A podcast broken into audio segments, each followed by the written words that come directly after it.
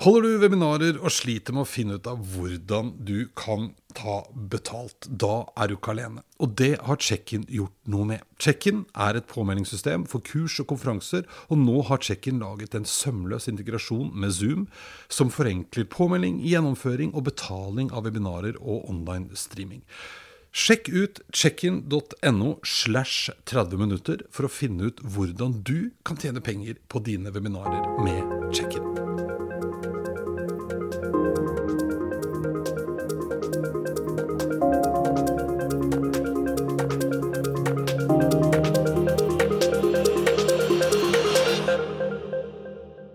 I dag så skal det handle om mangfold, og da ikke bare at det er viktig med like mange kvinner som menn, men mangfoldsledelse, og at det handler om å forstå hvilket potensial forskjellige mennesker med forskjellig bakgrunn har.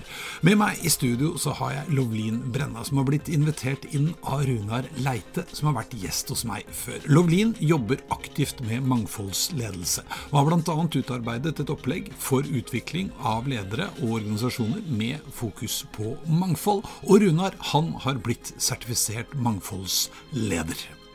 Dette det er 30 minutter inne i fremtiden, og jeg er Eirik Normann Hansen. Sånn. Velkommen.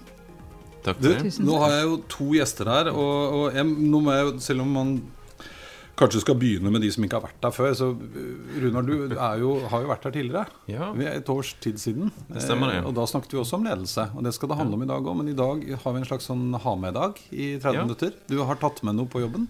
Ja, jeg har fått lov til å ha tatt med noen, ja. Men det, jeg tenker det var ganske naturlig når vi skal snakke om ledelse, og ta med noen som har vært med og forme og påvirke meg, iallfall i forhold til mitt syn på ledelse. Så, så derfor um, har eh, tatt med meg Skal jeg avsløre det? Ja, ja, nå avslører jeg det. Det er ingen som ser det her. Så. Nei, ikke sant. Da er det Lovlin Brenna, ja. som uh, har betydd mye for meg i mitt lederskap, uh, som, uh, som, sitter ved siden av meg nå. Ja, det er Veldig hyggelig. Velkommen, Lovlin. Tusen hjertelig takk. Ja.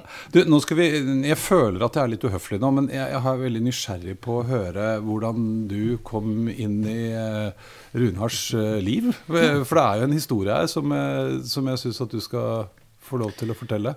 Ja, jeg skal skal prøve å dra den veldig kort. Egentlig ta det tilbake til 80-tallet, når jeg vokste opp. Um, og min mor var Hun har alltid hatt åpen dør og vært inkluderende. Og hadde relasjoner, eller har relasjoner, eh, på kryss og tvers. Eh, både med ulike nasjonaliteter og bakgrunn. Og um, det, det, ga meg et bilde av at verden var noe større enn, enn der jeg vokste opp tidlig 80-tallet i Namsos.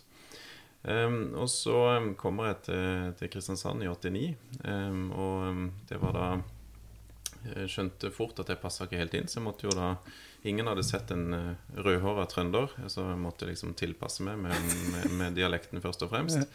Uh, og så var det en annen jeg ble kjent med da. Det var faktisk broren til Lovlin, uh, som var mer integrert enn meg på, i den bydelen. Mm.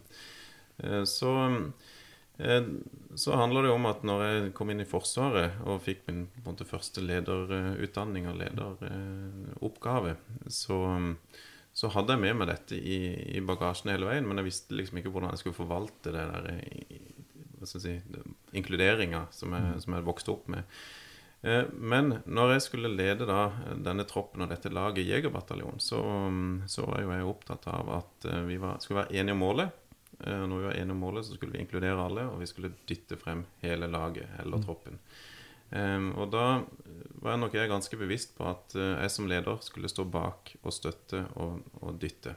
Um, uh, og jeg fortalte en historie i, på en ledersamling om um, hvordan det gikk med en sånn avsluttende øvelse hvor vi virkelig skulle prestere. Uh, og hele laget er med, hvor mine bein kollapser på, på slutten. Mm. Uh, og vi skal inn til målstreken for å på en måte fullføre dette her.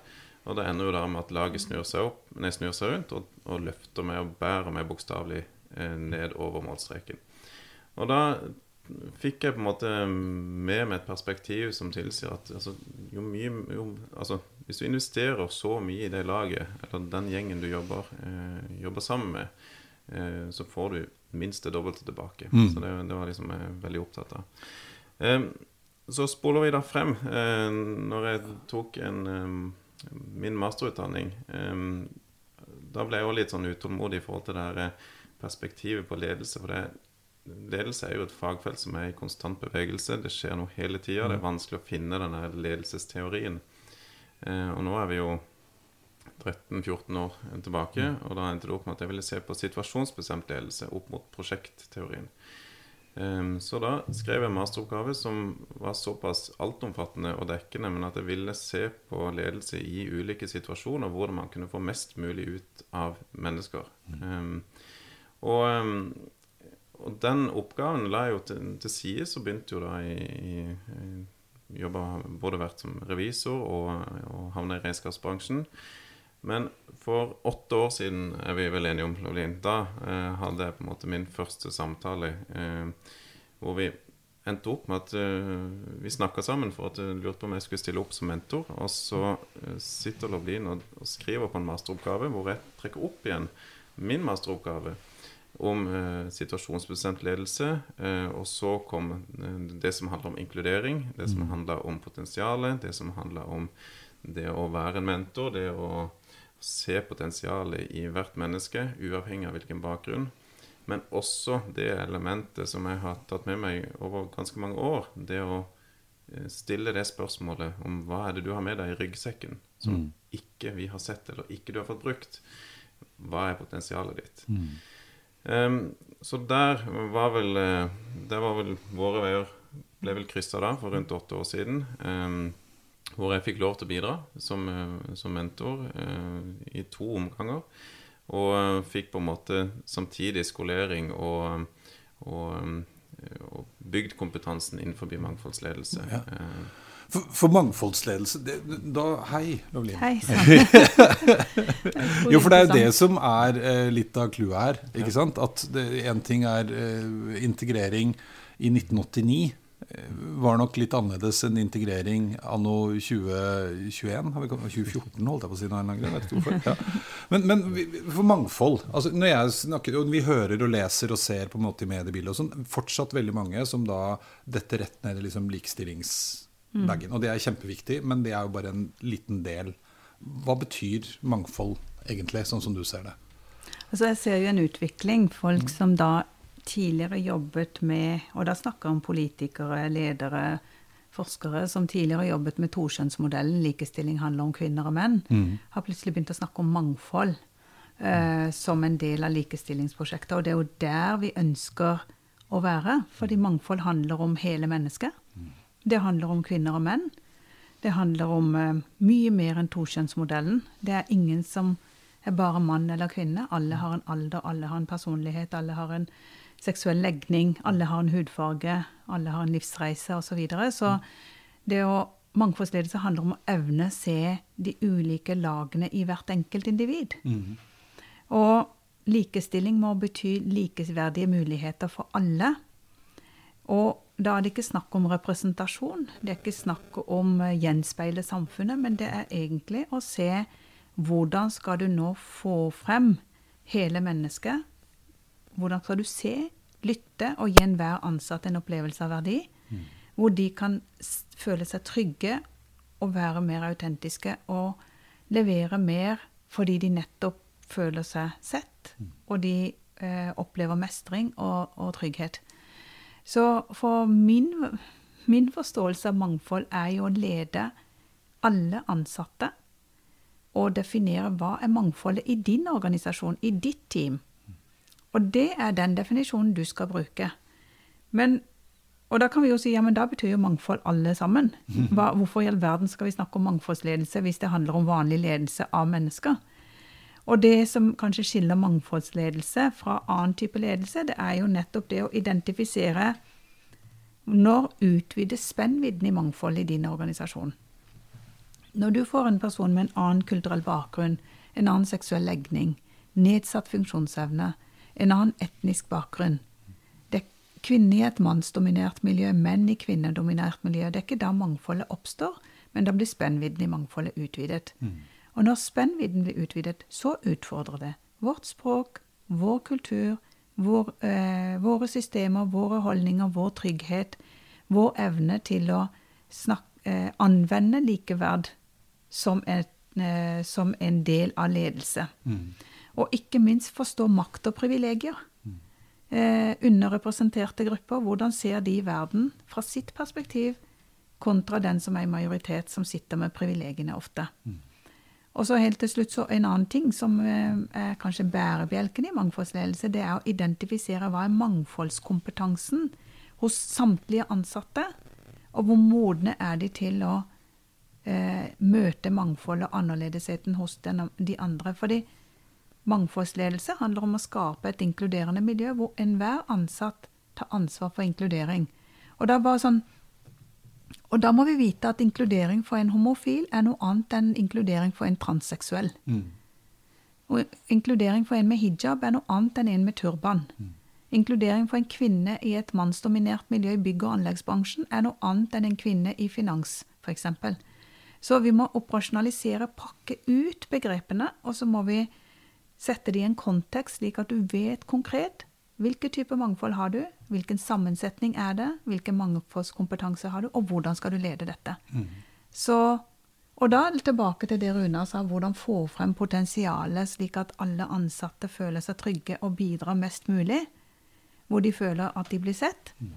Da hvis du har stor spennvidde i mangfoldet, så må du vite hvordan ser du uh, Fatima med hijab eh, med pakistansk bakgrunn kontra Elin, etnisk norsk bakgrunn osv. Fordi Fatima møter nok mange flere utfordringer på mange flere arenaer. Fordi hun som kvinne har også noen flere lag av mangfold som gjør at uh, hun navigerer annerledes i samfunnet enn det Elin gjør. Mm. Og det må Runa vite, eller andre ledere vite. Hvordan skal jeg nå adressere det som har med rasisme, annerledeshet å gjøre, når jeg har en ansatt blant mine uh, i min stab, eller vi har kunder som navigerer annerledes i samfunnet. Så det er mangfoldsledelse. Ja. ja. det er jo ganske, ikke ganske, det er jo veldig komplekst. Men veldig enkelt. Ja. jo, men for det En ting som slår meg med det du sier også, er jo at dette handler litt om å som leder evne å se det du snakket om i denne ryggsekken. Mm. Eh, for at noen ganger så vil det, eh, fordi eh, den ansatte er som den er, mm. ha noe kompetanse, erfaring, innsikt, opplevelser i ryggsekken som plutselig kan bli veldig verdifulle mm. i enkelte situasjoner. Så man kanskje ikke evner så lett å se at man blir litt for opptatt av at jeg syns det er helt naturlig at du går med hijab. ja, men eh, du skjønner hva jeg mener? Mm. Ja. Jo, men det, det, det, handler jo om å se forbi det. Altså mm. Se forbi det ytre. Altså komme seg, komme seg videre. Altså, og at um, Vi har snakka litt om det med um, med modenhet, men, men mangfoldskompetanse. Altså det å forstå uh, hvordan man skal anvende og, og, bruke mennesker i, Ikke bruke, men å bli kjent med og se verdien, da. Um, for at vi, vi, trenger nok et, eh, et rausere samfunn. Altså vi må, vi må, se verdien av å være ulik. Altså se hva vi faktisk har av potensial. Ja. Og der, der, har vi jo enormt mye å gå på. Mm. Eh, også i Norge, selv om vi har kommet ganske langt. Så ja, for, for jeg, jeg, tenker at det Jeg nevnte for dere i stad før vi begynte at jeg drev et lite byrå hvor vi var, eh, ble veldig Det ble et veldig mangfold. Selv om vi kom litt skeivt ut med ledergruppa, så rydda vi opp i det etterpå. Eh, men en ting som virkelig slo meg der altså Første gang jeg virkelig fikk en sånn aha-opplevelse, det var når vi, vi, hadde et prosjekt hvor vi skulle hjelpe eh, Nei, men i alle dager, hva heter de som har ansvaret for eh, Ikke Flyktningrådet, men altså stats... Eh, UDI? Ja, nemlig. For de hadde fått i oppdrag fra Helsedirektoratet å lage en informasjonstjeneste eh, spesielt myntet på eh, minoritetsgrupper eh, om amming. Mm. Verdien av amming, for det ser man veldig forskjellig på. Mm. og da skulle vi inn og kartlegge bruksområder og få informasjon om fra faktiske brukere.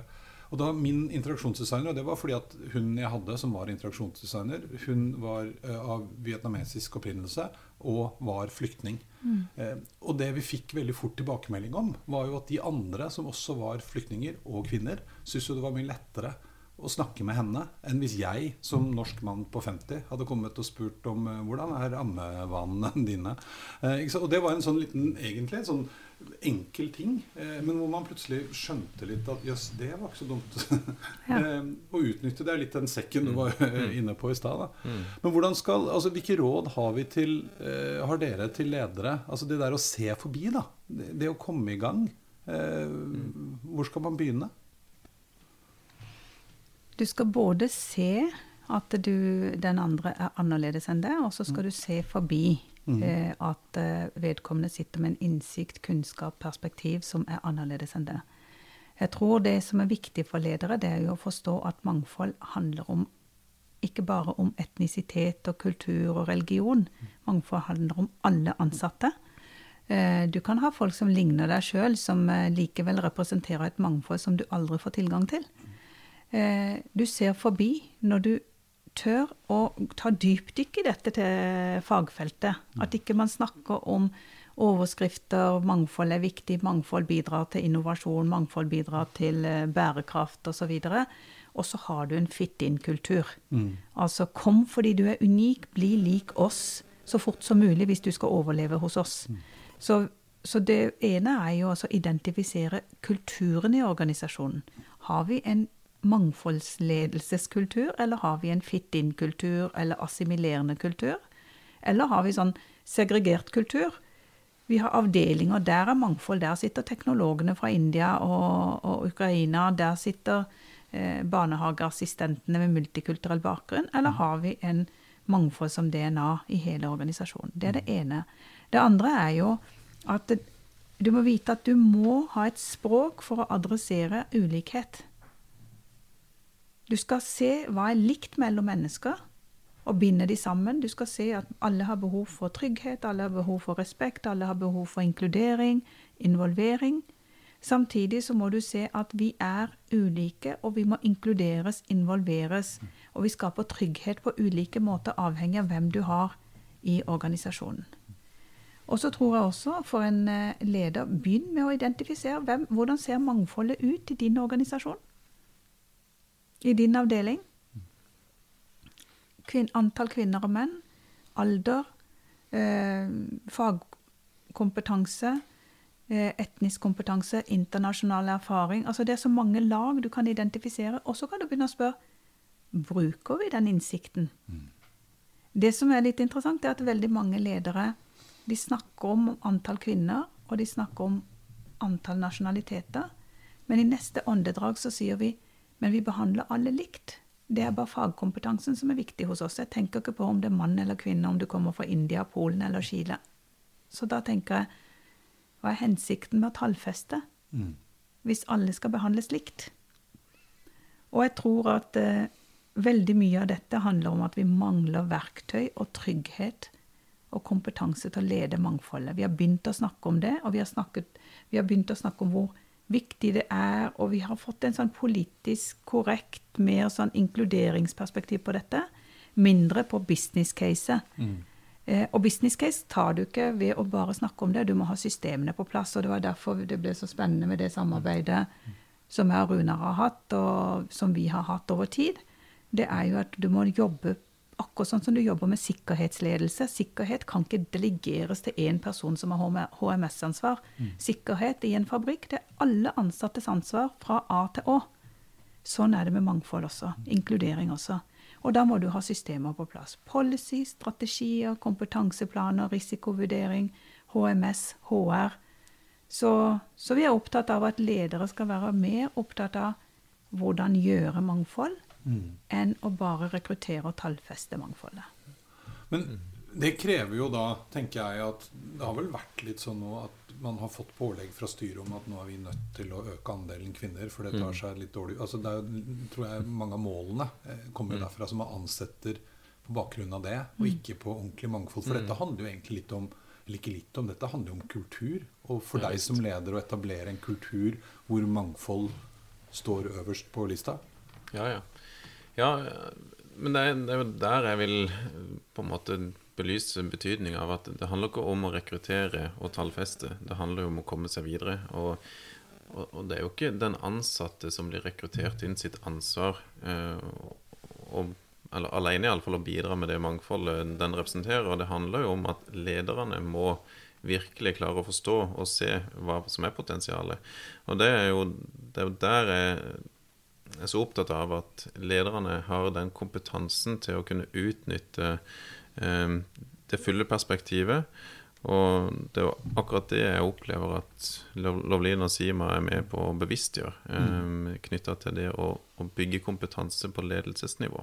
Og også det med å forankre dette opp mot eh, ledelsesstandarden.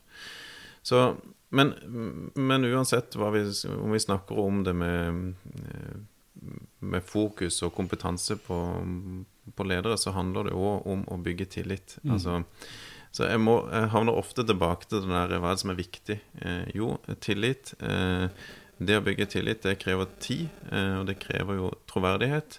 Og, og, ikke minst et samarbeid om at, eh, at ledergruppe eller eh, lederne seg imellom må ta et kollektivt valg om å samarbeide om å se potensialet i hver og en ansatt, hvis du tar det i en bedriftssammenheng. og det kan se så flott ut som bare det på, på når du teller, og, og på års, årsrapportene. Men, men, det er en enorm skjult kompetanse i enhver bedrift. Mm. Som, og det, det, er det som trigger meg da i forhold til business og business case her. Det er det å få fram uh, den skjulte verdien uh, i en bedrift som for vår del som representerer nesten 1000 ansatte i Norge. Hvis vi hadde klart å skape business ut av alt det som ligger skjult, så hadde jo vi virkelig eh, løfta eh, vår båndlinje. Mm. Eh, og Derfor har eh, også Lovline mye av det hun har skrevet, brukt mye av de parallellene der med at, eh, at eh, fakt, altså det å bygge mangfolds... Eh, eller øke mangfoldskompetansen i bedriftene er også med på å løfte båndlinja. Ja. Mm. Og da snakker du om at her må man sette ting altså Det handler om systematisk jobbing og etablere verktøy, eller det finnes verktøy. For det har du vært med på å fremme. Ja. ja. Fortell litt om det. Ja, Det begynte jo med at jeg, i 2016, eller egentlig 2010, så ledet jeg Kvinnepanelet for å se på likestilling. Hvor langt var vi kommet på likestilling i Norge? Mm. Det var i 2010. Og så fulgte jeg jo med både før og etter. Nå har jeg jobbet med dette siden 1995. Eh, at hver 8. mars så får vi en eller annen rapport om hvor dårlig vi er på likestilling i Norge. Og så er det de samme forskningsmiljøene som publiserer disse rapportene ofte. Og så er det de samme topplederne. Altså det er likestillingsministeren, det er statsministeren, det er NHO, det er LO, det er Virke som uttaler seg. Og så har du noen fra finansbransjen, noen fra bygg- og anleggsbransjen som snakker. Og så har du de samme eh, kvinnestemmene som er ute og uttaler seg. Og så har de noen sånn Dette er ikke akseptabelt, og så skal vi kartlegge. Vi må finne ut hvor trykker skoen. Og så har vi holdt på med den samme debatten. Så i 2016 så gikk jeg til Standard Norge så sa jeg kan jeg få standard for ledelsessystem for likestilling. Eh, fordi det må jo være at vi har sovet i timen. Mm. Uh, at nå har vi holdt på med likestilling siden Berit Aas og lenge, lenge, før det. Og så i 2016 så, så, fortsetter vi å snakke om at vi ikke er kommet langt nok på likestillingsfeltet. Så kan jeg få ledelsessystem for likestilling. Hvordan lager vi policy, hvordan lager vi strategi, hvordan lager vi eh, kommunikasjonsplaner, eh, kompetanseutvikling, organisasjonsutvikling, alt dette. Fordi vi hadde jo et ledelsessystem på sikkerhet, vi hadde på miljø, vi har på innovasjon. Så sier de vi har i hvert fall ikke noe ledelsessystem for likestilling vi, i Norge, men vi skal finne et eller annet sted i annet i verden. fordi dette er jo internasjonale standarder som ofte er utviklet av en, et land først. Så viste det seg at det var ikke noe standard for ledelsessystem for likestilling i noen land i verden. Så sa vi da har vi sikkert noe for mangfold, fordi kjønn er jo en del av mangfoldet. Mm. Eh, så sier de det har vi i hvert fall ikke i Norge. Så, så, men det har de sikkert i Canada eller USA. Så kom de tilbake etter en måneds tid, og så sier de det fins ikke noe ledelsessystem for mangfold i verden Nei. som er på nasjonalt nivå, som følger en internasjonal mal. Og da tok jeg initiativet, og så fikk jeg sammen med Standard Norge satt sammen en komité. Så vi har utviklet verdens første standard for ledelsessystem for likestilling og mangfold, basert på trepartssamarbeid, bærekraftsmålene og norsk lov. Samtidig så følger den en internasjonal mal. At det ligger en fleksibilitet i den standarden at hvis du da skal bruke den i Abu Dhabi, så vil den være fleksibel nok til å kunne Du vil fortsatt ha policy, strategi, eh, kommunikasjonsplaner osv., men loven vil være annerledes. Og stegene du tar i Abu Dhabi, vil være annerledes enn de du tar i Norge eller i India f.eks. Så har vi utviklet verdens første ledelsessystem for mangfold, eh, som også favner likestillingsperspektivet, som er tokjønnsmodellen. Og nå jobber vi med en prosess for å få den til å bli en ISO-standard som er internasjonal. Men hvor som helst i verden så kan de bruke den norske standarden fordi den følger en ISO-mal. Er dette sånn som nå er tilgjengelig via Ja, den, ja, Ja. den har vært tilgjengelig i to år. Og Runar har jo både nasjonalt og internasjonalt sertifikat i mangfoldsledelse. Så, så det sertifikatet er gyldig i alle verdens land, og vi er de eneste som leverer på dette foreløpig, da. Og jeg ga jo ut en bok i mai, Hva heter den? 'The Parable of the Dog and the Peacock'. Og det er en hund som ansetter en påfugl for å øke mangfoldet. Ja. Og så er det bare hunder som jobber i den fabrikken. Og så begynner de å ta bilder, og de skal snakke om mangfold og sånt. Men det tar jo ikke lang tid før eh, påfuglen får beskjed om å dempe seg, slutte å synge. Eh, gjerne klippe av litt av halen din, du tar for mye plass. Hvis du skal overleve, så må du passe inn. Og så er det en dialog der. Men det ble jo en eh, Amazon bestselger, fordi Ja. den bygger på standarden, vår filosofi, mangfoldsledelse. Så, så verktøyet fins jo. Ja, altså så én ting er jo det jo utrolig, Jeg blir jo litt stolt av å høre, høre på Lovli nå. Eh, fordi at eh, alle vi som er sertifiserte mangfoldsledere, som har vært igjennom den Det er jo et omfattende program, egentlig. Du skal opp til muntlig eksamen, skriftlig eksamen og, og en eh, multiple choice-del også. Um, eh, og jeg kan på vegne av alle de som har gjennomført dette løpet, eh, bekrefte at du enormt Du vokser enormt på og den modenhet du utvikler deg gjennom dette programmet. Det, det, det vil prege din måte å lede på fremover. Men eh, Og så er det jo òg gøy da å se at det bitte lille selskapet i Norge som heter Sima, eh, har vært med å påvirke eh, hvordan man tenker ledelse her i Norge, og nå blir det snart en, vision, en bevegelse, kan vi ikke kalle det, eh, for, eh, som åpner seg opp globalt. Så med denne boka, med denne standarden, så, så vil eh, Sima virkelig sette preg på eh, ja, den, den faglige forankringa knytta til mangfoldsperspektivet utover Norge. Så det, det er gøy. Jeg bare legger til, eh, Vi har jo en konferanse nå 1.12., Mangfoldsledelse 2021. Og 80% av de som skal stå på scenen, er sertifiserte personer som da kan vise til reelle resultater gjennom mangfoldsledelse, og det er litt gøy. Ja, Det er veldig spennende. Ja. Fordi da er vi jo inne litt som du har pirka borti allerede, at dette handler jo ikke bare om å telle opp antall ansatte. Du har erfart dette som administrerende direktør, eller det høres ut som liksom helt fra du løp Ja. ut i skogen og var eh, var ikke tøyse, var ikke tøysemilitæret du var i? Nei, jeg var nok ikke Men det handler jo om å være bevisst på, på hva man har med seg. da Ref denne, denne ryggsekken. Men man har jo med seg et, eh, et menneskesyn, et perspektiv. Um, og så er det jo å få noe som eh, Ja. um, som virkelig treffer. Um, og selv om man har studert ledelse og ja, som jeg nevnte, en, en masteroppgave det, det, var ikke det som er viktig da, Det er jo viktig det du tar med deg på veien. Altså det du har eh, Vi har snakka om arv og miljø oppi dette her. Vi snakker om kulturell intelligens, ikke minst. Eh, Det å det å forstå eh, på en måte alle perspektiver rundt det, det å kunne tilpasse seg. Eh, og det, eh, det gir eh, det, det gir et eh, Ja, eh, merkelig å si det, men det er sånn bevisstgjøring som er uhyre viktig for enhver en leder. Å være eh, tydelig på at, eh, at du kan gjøre en forskjell. Mm. Men for min del så var det jo òg det med å være så heldig å få lov til å være en mentor. eh, å få se effekten av det å, å, å coache og det å være med å utvikle ett menneske. Eh, hvilken ringvirkning eh, den mentorrollen hadde. Én ting er for den, den som jeg var eh, mentor for. eh, men, eh, eller mentin, da, som det kalles i den sammenheng, men samtidig hvilken effekt det fikk for meg i, i, i motsatt ende. At, at det utvikla meg, det også. At det gir meg eh, påfyll som mm. Ja.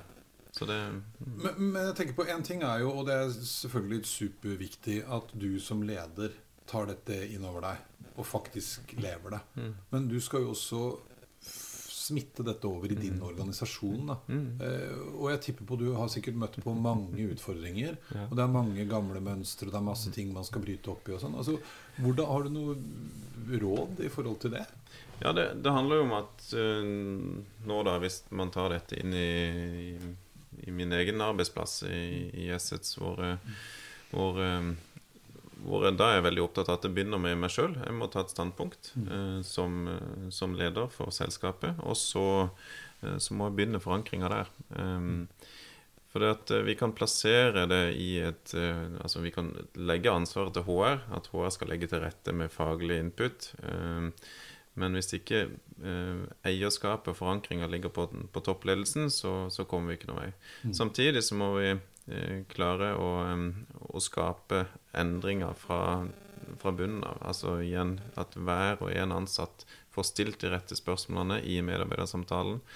Em, at, eh, at alle ansatte er med på en reise med at de betyr noe hos oss. At de kjenner på det tilbake til det med tillit og trygghet. Eh, at vi er med på at vi går om bord og, og jobber sammen med å ta ut potensialet i, i hver en. Og dette må settes i system. Men dette er ikke gjort i løpet av Du kan ikke bare trykke på en knapp og si at yes, nå skal vi utnytte potensialet i, i mangfold i denne bedriften. Eh, men, men hver og en suksesshistorie, eh, og jeg har mange av de som vi ikke skal eh, ta inn nå, men, men hvis du sitter med en personalsak eh, hvor noen mener at her er det ikke noe, her må vi bare avslutte arbeidsforholdet, og det kommer noen andre inn og ser potensialet, og det har jeg eksempler på, og det er så gøy å få høre det at ja, vi hadde en konflikt med en ansatt, Ehm, og så får du høre nå at ja, vi har funnet en eh, måte hvor eh, vi fant en ny rolle, eh, hvor vedkommende fungerer optimalt, basert på at dette passer midt i vinkelen for vedkommende, og her trives jeg, trygge, trygge rammer rundt, man får lov til å være seg sjøl, og vi klarer å tilpasse etter hvordan arbeidsoppgavene skal legges opp. Og du får bekreftelse på at dette ble en kjempenøkkelressurs for oss. Og det er de små historiene som vi må bare bli flinkere til å dele, eh, spesielt da internt i selskapene, med å skape den derre eh, ja, i- i- entusiasme. Kanskje å dra det litt langt, siden vi er ganske sånn beskjeden sørlending, men, men, eh, men Du skryter da at du var trønder, og du Ja, ja. ikke beskjedne. Nei, men det, jeg kan si jeg er skaptrønder, da. Så ok. skal jeg være litt i midt. Ja. Men, eh, nei, men det er jo det der å, å, å heie på de der små, små endringene som til slutt er med på å virkelig dra det tunge, store lasset. Mm. Avslutningsvis, Lovlin, Lolin, hva tenker du råd til sånne Altså Han er jo overbevist, men eh, andre? Hva, hva trenger man å liksom Ja, jeg kan si- Ja. Det er å ikke delegere ansvar for å realisere altså arbeid med mangfold og, og likestilling og inkludering til HR. HR er en støttefunksjon. Ansvaret for å utløse potensialet og få effekt på både topp- og bunnlinje og trippel bunnlinje, det ligger hos toppledere, mellomledere, alle ledere på alle nivåer. Og de som har forstått det, de sertifiserer eller sender sine ledere, og da er det finans, det er kommunikasjon, det er strategi, det er compliance, i tillegg til HR. Men ikke HR alene, da har du gått i en blindvei. Ja. Så, for Jeg lærte en gang av at det, det starter og slutter med ledelse. Absolutt. Det må begynne der. Ja. Men nå er det, altså dere har, Sima har konferanse 1.12. Kan drive litt reklame. Det er Mm. Ja, lov. Jeg bestemmer. Det er ikke noe problem. Eh, Men det som er viktig her, er altså det du var inne på nå. Dette handler om å få med hele selskapet. Og da må Ja. du begynne hos lederen. Absolutt. Eh, Og det må gjennomsyres. Og det handler veldig mye om å bygge tillit og forståelse for at forskjeller er bra Mm. og ikke dumt. Ja. Forstå potensialet i ulikhetene. Ja. Absolutt. Så det, så det og da må vi òg kunne annonsere i dag at eh, siden Sima har jo fått enormt etterspørsel nå i forhold til å klare å levere på alt det de skal levere på. Så nå bidrar eh, Asset sin konsulentavdeling med litt underleveranse for å avlaste. da, Så nå får vi til et strategisk samarbeid hvor, hvor jeg setter er med og velger Sima som en strategisk samarbeidspartner på mangfoldsledelse. Så det blir eh, gøy å kunne spille på hverandre også eh, i den retninga. Samtidig som eh, vi jobber videre med dette internt i selskapet. Ja. Og vi gleder oss. Det blir Ja, spennende. det er så bra. Ja, det er kjempebra. Du, tusen hjertelig takk for besøket, og lykke til med konferansen. Tusen 1. takk. desember. Bra start på desember. Ja, ikke sant? Kjempebra. Takk. Velkommen. Takk Hei. skal du ha.